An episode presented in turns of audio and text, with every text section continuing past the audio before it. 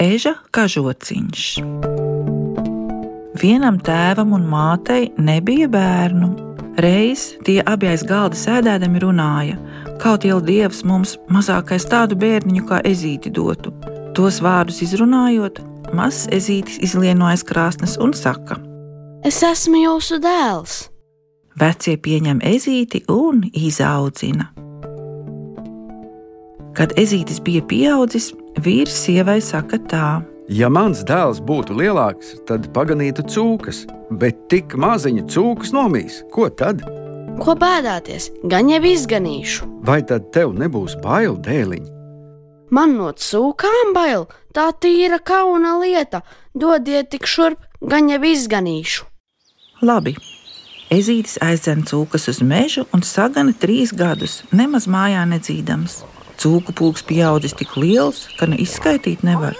Tomēr ezītis visas nogana, bet nu gadījās, ka tās zemes valdnieks bija izgājis tajā mežā un apmaldījies. Maldoties viņš ierauga ezīša cūku pulku, bet pašu ganiņu neredz, jo ezītis ielīdis vāverieša cērpā. Vai te kāds gans arī pie tām cūkām? Ače, te jau esmu! Kur tu esi? Vāverīšu cērpā esmu! Nāc šurpu pie manis, izrunāsimies! Kā labi, ne? Kā tu tik maz vari cūkas noganīt? Kādu tik liels vari apmaldīties? Izved mani ārā no meža. Kā labi, ne? Dod man savu jaunāko meitu par sievu, tad tūlīt. To nu gan ne. Es tev tādam mazam krupim meitu došu. Kad ne, ne, meklē pats ceļu. Valdnieks aizjāja, bet visu dienu izmaldījies, vakarā klāt atkal.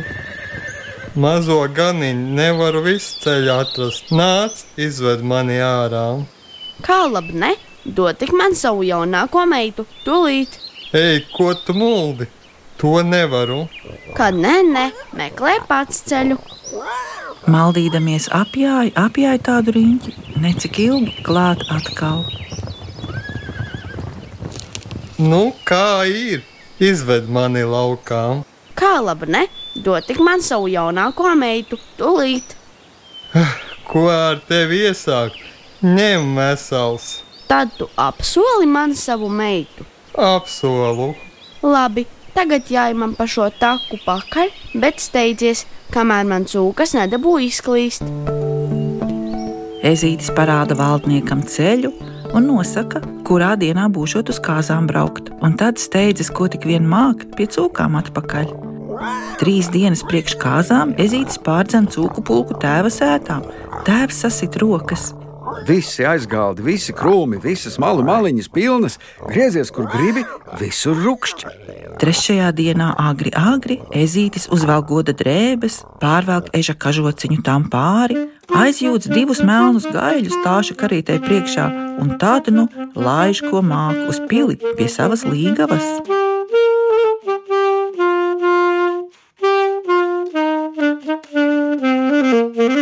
Valdnieks nesagaida visu šo plikām rokām.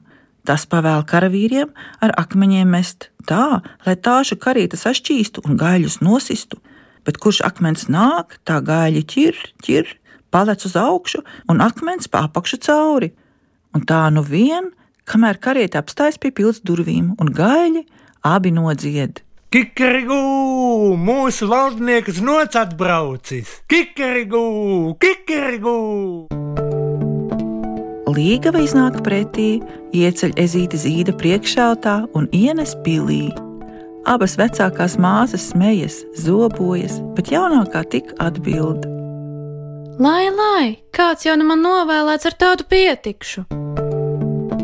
No rīta Līgava atkal ieceļ ezīti savā priekšautā un aiznes uz baznīcu laulāties.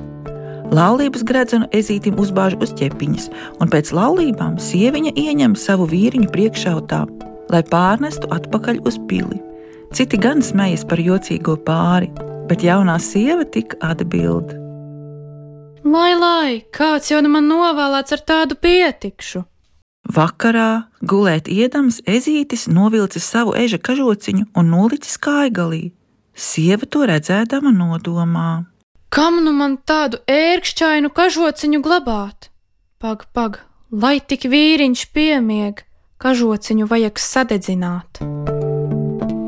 Kā domājusi, tā padara, bet kas nu notika? Līdz ko kažociņš sadedzis, vīriņš uz nāves lims, šīnu raud un aizbildinās. Ezītis turpretīm par sāpēm nebēdādams vēl sievu mierina sacīdams.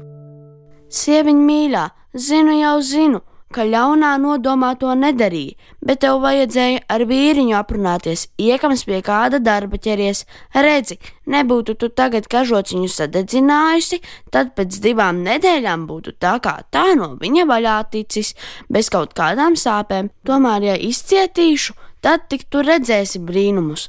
Asaru vietā tu līksmosies. Grūti ezītim gāja, tomēr cieta un izcieta. It īpaši beidzamo dienu slimība nejauki vārdzināja, bet līdz ko saulīte norietēja, tā ezītis no gultas laukā nošņauts trīsies deguntiņu un acu mirklī paliek par staltu ķēniņa dēlu. Sievas tēvs no priekiem atdod valdību savam snotam. Jaunais valdnieks attaicina savus vecākus pie sevis, un tad nu dzīvo ar savu jauno sieviņu laimīgi.